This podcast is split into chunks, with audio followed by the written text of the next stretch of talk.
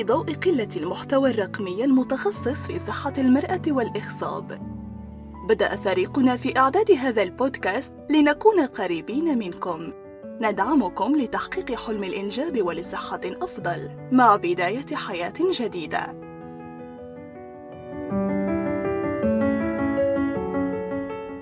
السلام عليكم ورحمة الله وبركاته. أهلا وسهلا آه، بكم في لقاء متجدد. آه، نحاول من خلاله أن إحنا آه، نجاوب قدر المستطاع على الأسئلة اللي وصلت واللي متعلقة بالحوامل وصحة الجنين. فما شاء الله في عدد ما شاء الله لا بأس به من الأسئلة وصلت للمنصة ومعظمها ما شاء الله أسئلة جدا ممتازة. وتبين آه، مدى رغبتكم في آه، المعرفة والتثقيف الصحي خاصة آه، بالأمور المتعلقة بصحة الأم والجنين. ففي عشرة أسئلة بنحاول نمر من خلالهم ونشوف إذا الوقت يكفينا أن إحنا نجاوب أو نغطي كل هذه الأسئلة. فالسؤال الأول مريضة تسأل أنا حامل في الشهر الرابع. هل صبغات الشعر تقصد صبغة الشعر هل صبغة الشعر تؤثر على الجنين؟ أه وذكرت نوع معين من أه صبغة الشعر. هو بشكل عام أه ما في دراسات عملت عشان توضح تأثير صبغة الشعر على الجنين. آه طبعا أنتم تعرفوا انه صبغات الشعر تحتوي على مواد كيميائيه والمواد الكيماوية عادة آه قد تؤثر سلبا إنه بمعنى إنه خاصة إذا إحنا جينا نظرنا إلى التأثير السلبي لصبغات الشعر في تأثيرات على الأم وفي تأثيرات على الجنين. فهو بشكل عام آه، حساسية الجلد للحوامل تزيد أثناء الحمل. فإذا الأم أثناء الحمل من النوع اللي جلدها يتحسس وضع صبغات الشعر أثناء الحمل قد يزيد من حساسية فروة الرأس. ف...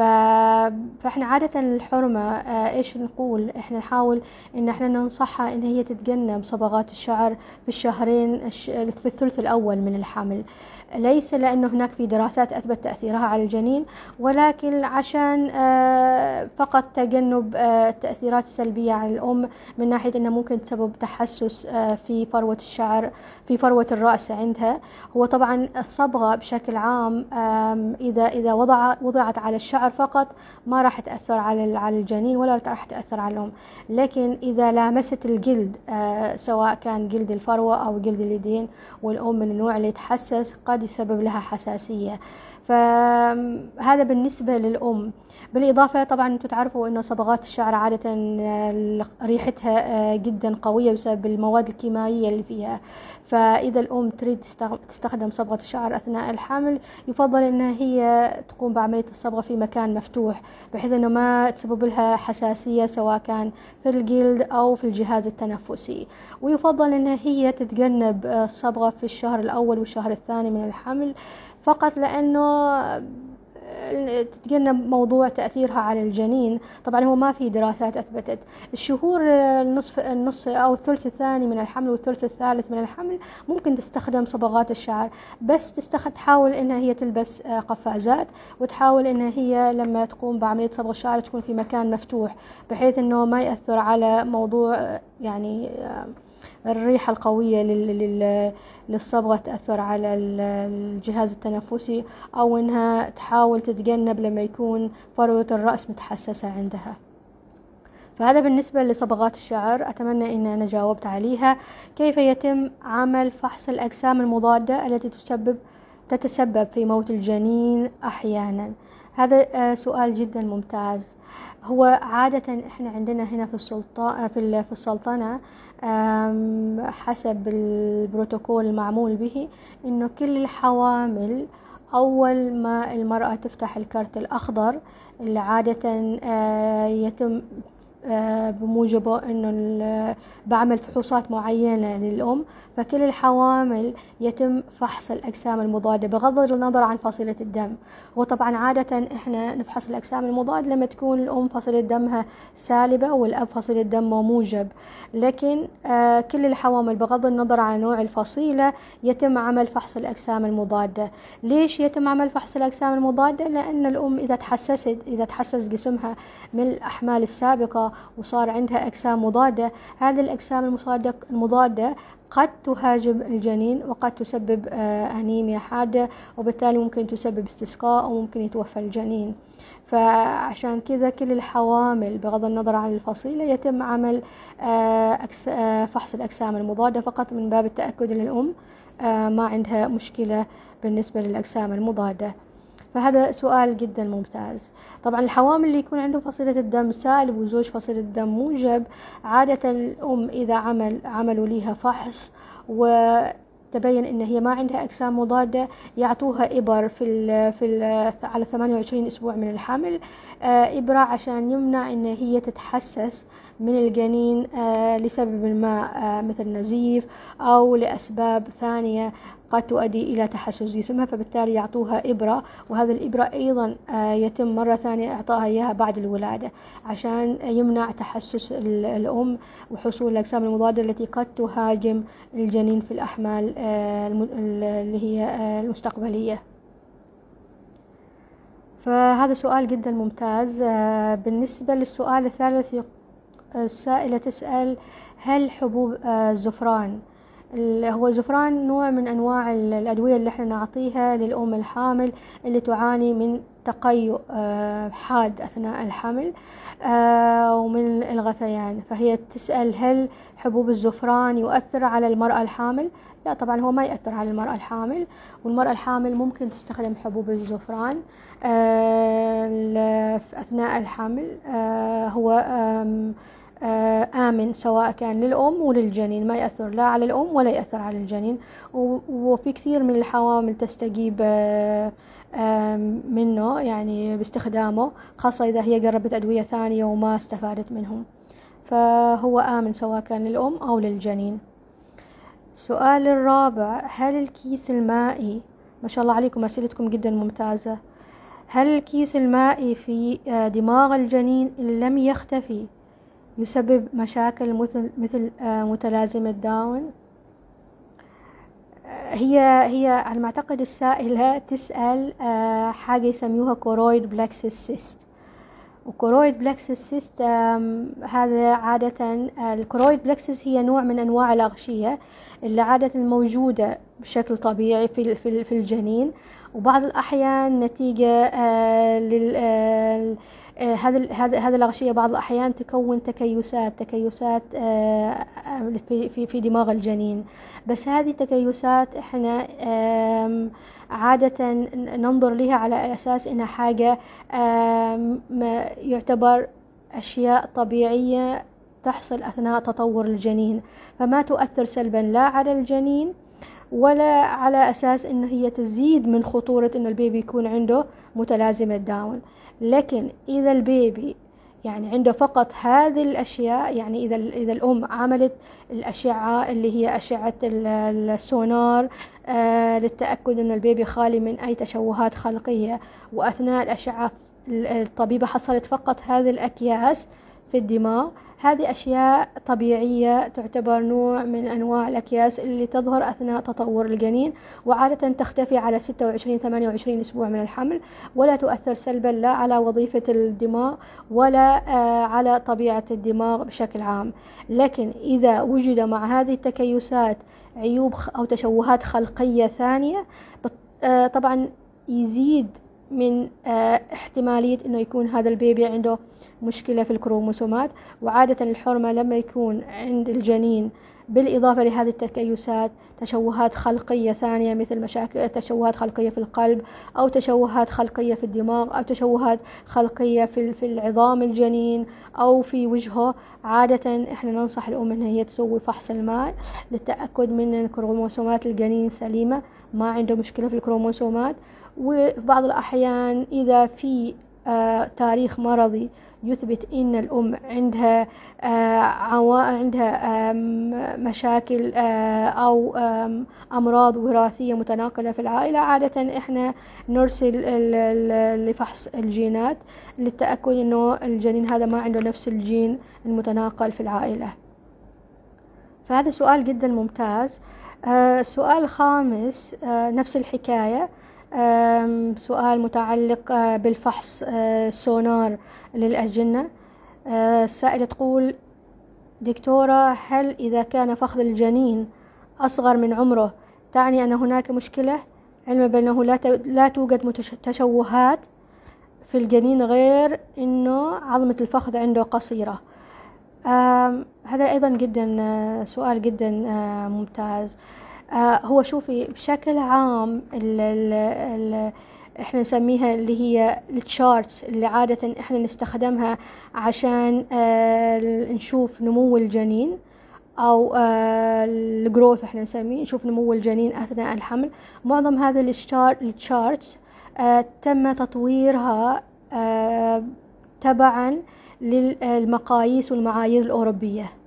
يعني الدراسات معظم الدراسات اللي عملت عشان من خلالها يقوموا باستخدام هذا ال chart ال growth charts أو ال charts اللي عادة إحنا نراقب فيها نمو الجنين. معظمها تمت استحداثها بناء على دراسات في الدول الأوروبية. طبعا أنتم تعرفوا أن الدول الأوروبية سكان الدول الأوروبية بنيتهم غير عن بنية سكان الآسيويين. عادة عندهم بنية ضخمة مقارنة بالبنية إحنا.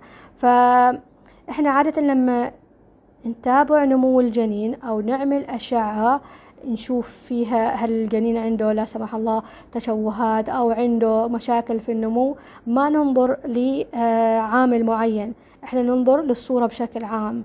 فإذا الجنين فقط فقط أنه عظمة الفخذ قصيرة نسأل الأم هل أبوه قصير؟ هل في العائلة أحد قصير؟ نشوف الأم هل هي قصيرة. فإذا الأهل قصار شيء طبيعي أنه يكون الجنين عظمة الفخذ عنده قصيرة فهذا شيء طبيعي. فإحنا ما نعتمد على مرة معينة. نعطي الأم موعد مرة ثانية بعد أسبوعين أو أربعة أسابيع نشوف نمو البيبي. إذا البيبي نموه في نفس الخط فمعنى إنه هذا الجنين نمو طبيعي بس هو قصير لأنه في العائلة أحد قصير يعني. فإحنا ما ننظر لعامل آآ آآ أو آه لعامل واحد فقط.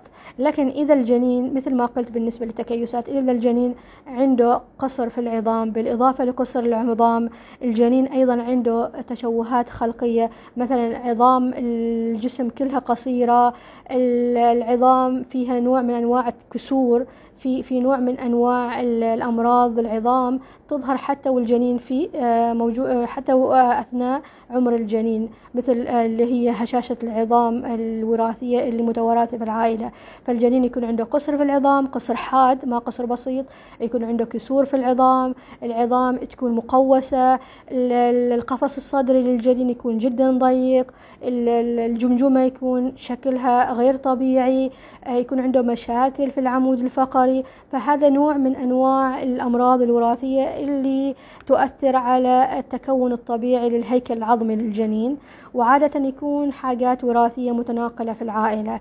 فهذا سهل تشخيصه. طبعا لوحظ إنه الأطفال اللي هم داون سندروم يكونوا قصيري القامة يكون عظمة الفخذ قصيرة. بس ما فقط أنه يكون عنده قصر في عظمة الفخذ قد يكون عنده أيضا عيب خلقي أو فتحات في القلب قد يكون عنده زيادة في الماء في, في, دماغ الجنين. فبالتالي إحنا ما ننظر لعامل خط لعامل واحد. نشوف مجموعة من العوامل اللي تكون موجودة في الأشعة. وبالتالي ننصح الأم ونخبرها أنه يفضل أن هي تسوي فحص الماء. فقط للتأكد أن البيبي ما يكون عنده مشاكل في الكروموسومات. بس إذا كان فقط قصر في العظام آه عادة نطمنها الأم وننصحها أن إحنا نعيد الأشعة ونشوف كيف نمو كيفية نمو الجنين. إذا الجنين نموه زين الحمد لله ما في مشاكل ثانية آه نطمنها الأم آه فما يحتاج أنها هي تقلق. هل ممكن نكتشف حالة داون بال ultrasound هو ما كل الأجنة اللي يكون عندهم Down syndrome يكون عندهم آم آم يعني حاجات تظهر بالأشعة. يعني عشرين في المية لوحظ أنه عشرين في المية من الأجنة اللي عندهم Down syndrome يكون آه آه يكون عندهم يعني ما يكون عندهم عيوب خلقية. يعني في أجنة يظهروا بالأشعة طبيعيين وما فيهم مشاكل. آه بس آه سبحان الله بعد الولادة يظهر إنه هو عنده متلازمة داون عشان كذا عالميا الأم تنصح إن هي ما تعتمد فقط على الأشعة ممكن تستخد تعمل فحص الدم اللي هو المرة الماضية إحنا تكلمنا عنه اللي هو ال NIPT اللي فيه ياخذوا دم من الأم ويشوفوا ال DNA للجنين ويتأكدوا هل الجنين آه عنده خطورة إنه يكون عنده آه متلازمة داون ولا لا. السؤال السابع إذا كانت الأم والأب مصابين بثلاسيميا كيف يتم الكشف إذا الجنين مصاب أو لا؟ وفي حالة وهل في وهل يمكن يعني الوقاية من من من من إصابة الجنين به؟ وعلى ما أعتقد في سؤال ثاني إنه متعلق بالمرض الثلاثيميا إن الأم حامل بأسبوعين كيفية تأكد هل الجنين مصاب بثلاسيميا؟ فهو طبعا مرض الثلاسيميا هو مرض جيني يعني ونسبة حصوله هي هو هو يتم تناقله كصفة متنحية. يعني لابد إنه يكون الأم والأب حاملين للمرض. عشان أحد الأجنة يكون مصاب. نسبة حصول إنه هو الجنين يكون مصاب خمسة وعشرين في المية. يعني في خمسة وعشرين في المية يكون مصاب آه في خمسة وعشرين في المية يكون آم يعني ما يعني سليم وفي خمسة وعشرين في المية يكون حامل للمرض. فطبعا إذا الأم والأب مصابين بالثلاسيميا في نسبة 25% إنه يكون هو حامل للمرض طبعا هو في نوعين من الثلاسيميا في ألفا ثلاسيميا وفي بيتا ثلاسيميا و كيفية يتم هل يتم هل ممكن الكشف عنه إذا الجنين مصاب ولا لا؟ أيوة إحنا عادة إيش ناخذ؟ يا إما ناخذ خزعة من المشيمة لما يكون الجنين عمره 12 ل 14 أسبوع والرسلو مع فحص الدم للأم والآب. عادة يكون الأم والآب معروف نوعية الثلاسيميا وعندهم الفحص الجيني. فالرسل للمختبر للتأكد هل هذا الجنين عنده نفس المرض ولا لا. إذا جيوا بعد ال 14 أسبوع عادة إحنا نعملهم فحص الماي على 16 أسبوع. وبنفس الوقت ناخذ فحص الدم من الأم والآب ونرسل كمان للمختبر الفحص الجيني اللي يبين نوعية المرض اللي عند الأب والأم. فهو عادة الفحص إحنا نعمله على 12 14 أسبوع بس إذا جيوا بعد ال 14 أسبوع نعمله على 16 أسبوع. هل يمكن الوقاية؟ طبعا هو هو لأنه هو مرض جيني. إذا إذا الأم والأب الأب already عاملين فحص الجيني ومعروف نوعية المرض أيوة ممكن عن طريق ال IVF إنهم هم يرجعوا لهم الأجنة غير المصابة. يعني عادة يفحصوا الأجنة ويشوفوا الجنين اللي غير مصاب هو اللي يتم ترجيعه أثناء الحمل.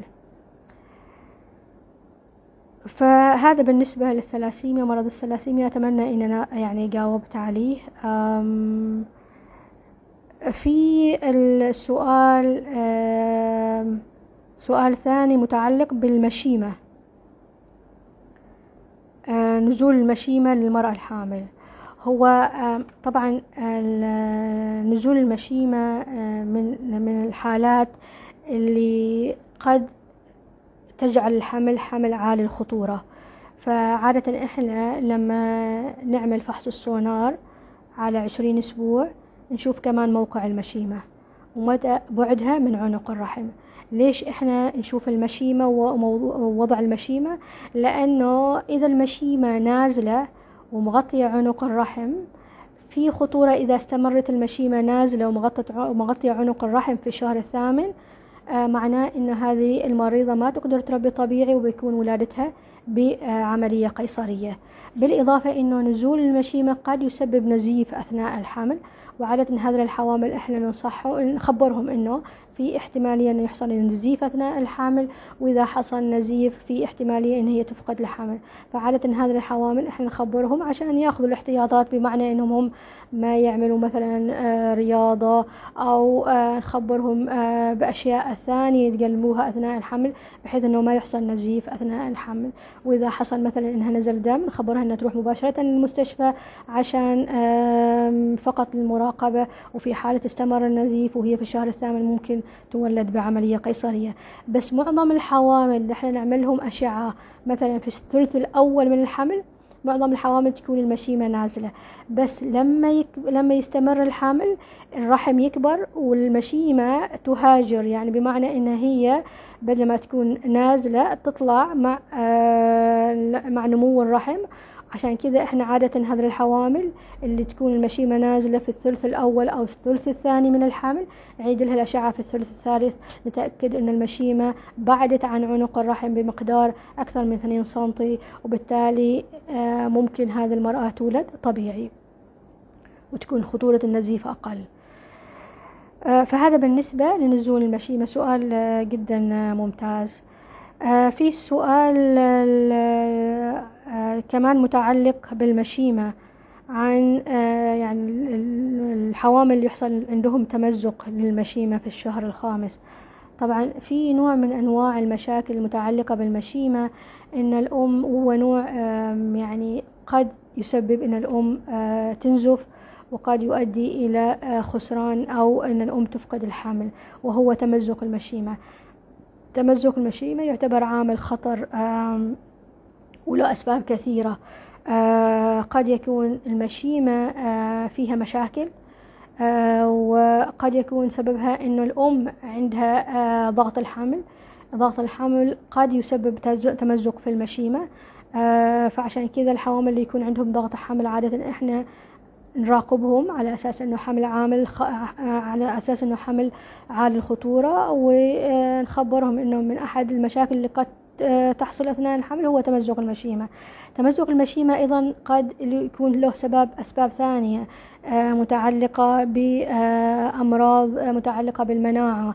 فعادة الحوامل اللي يكون عندهم تكرار آه، فقدان للأجنة بسبب تمزق المشيمة عادة يعملوا لهم فحوصات أكثر متعلقة بالمناعة. وإذا حصل أنه هذه المرأة تبين أنه عندها مشاكل في المناعة يحطوها على اللي هي الأدوية سواء كان أدوية مثبتة أو أدوية اللي هي الهبارين عشان ما يحصل تكرار فقدان الأجنة بسبب تمزق المشيمة. فهذا بالنسبة للأسئلة. في أسئلة كمان وردت عندنا على الشاشة تقول السؤال دكتورة آه، هذا متعلق بموضوع الفقدان آه، اللي هو الإجهاضات المتكررة على ما أعتقد. إبر مثبتة آه اللي هو الإجهاض المتكرر واستخدام الإبر المثبتة. آه على ما أعتقد إحنا المرات الماضية غطينا هذا السؤال. وقلنا إنه الإجهاضات المتكررة لها كثير أسباب. والاجهاضات المتكررة قد تكون في الثلث الأول من الحمل وهذا له أسباب مختلفة عن الإجهاضات اللي تسبب اللي تؤدي إلى فقدان مستمر للحمل في الثلث الثاني أو الثلث الثالث من الحمل فأحد التدخلات اللي إحنا نستخدمها واللي قد تمنع الإجهاضات المتكررة هو الإبر المثبتة. طبعا الإبر المثبتة هذه عبارة عن هرمون بروجسترون. لوحظ من خلال الدراسات اللي عملوها إنه أحد الأسباب اللي قد تؤدي إلى الاجهاضات المتكررة أو المولادات المبكرة هو نقص هرمون البروجسترون. فهو أحد الأسباب مش السبب الرئيسي. والإبر المثبتة أو التحميلات المثبتة اللي هي المثبتات تستخدم كحاجات احترازية على أساس أنها تمنع الإجهاضات المتكررة أو تمنع الولادات المبكرة. فهذا على ما أعتقد آه، الإجابة للسؤال اللي ورد. في أسئلة ثانية؟ على ما أعتقد إحنا غطينا معظم الأسئلة. فالأشياء الثانية اللي اللي اللي, اللي ذكرت واللي من ضمنها الكيس الذي يظهر أثناء تطور دماغ الجنين وصغر أو قصر الفخذ هذه أشياء إحنا نسميها soft markers يعني هي ما تشوهات خلقية هي soft markers وعادة إحنا نطمن الأمهات إذا هي حاجات فقط هي حاجات ما مصاحبة لها تشوهات خلقية هذه تعتبر آه، حاجات فيزيولوجية آه، تظهر أثناء تطور الجنين. من ضمن أيضا المشا... الأسئلة اللي أو الأشياء المتكررة اللي تظهر بفحص السونار هو وجود آه، كالسيوم أو ترسبات كالسيوم في قلب الجنين. هذه أيضا أحد الأشياء اللي تظهر أثناء تطور الجنين وعادة لا تؤثر لا على وظيفة القلب ولا ولا تعتبر عيب خالقي فعادة أيضا إحنا ما نخوف الأم وما نقولها إنه مثلا الطفل قد يكون طفل منغولي هي أشياء قد تظهر أثناء تطور الجنين. دكتورة عندي بنت عمرها خمس سنوات قلبها شوية في اليمين تم تشخيصها في الحمل وأمورها طيبة. هذا سؤال جدا ممتاز. أيوة هو هو إذا إذا القلب هو سبحان الله بعض الأجنة أه القلب قد يكون موجود في اليمين بدل ما يكون في اليسار. في أجنة أو في عوائل يكون القلب موجود في اليمين. لكن سبحان الله يكون القلب بدون أي تشوهات خلقية. ووظيفته تكون جدا ممتازة والجنين ما عنده اضطراب في كهربائية القلب. فهذا الأجنة عادة ما يتأثروا بس عادة يتم متابعتهم آه، باستمرار. ويتم أيضا التأكد من الأعضاء الثانية يعني في أجنة يكون مثلا القلب في جانب اليسار آه، سوري القلب في جانب اليمين آه، والمعدة في جانب اليمين والكبد في آه، جانب اليسار.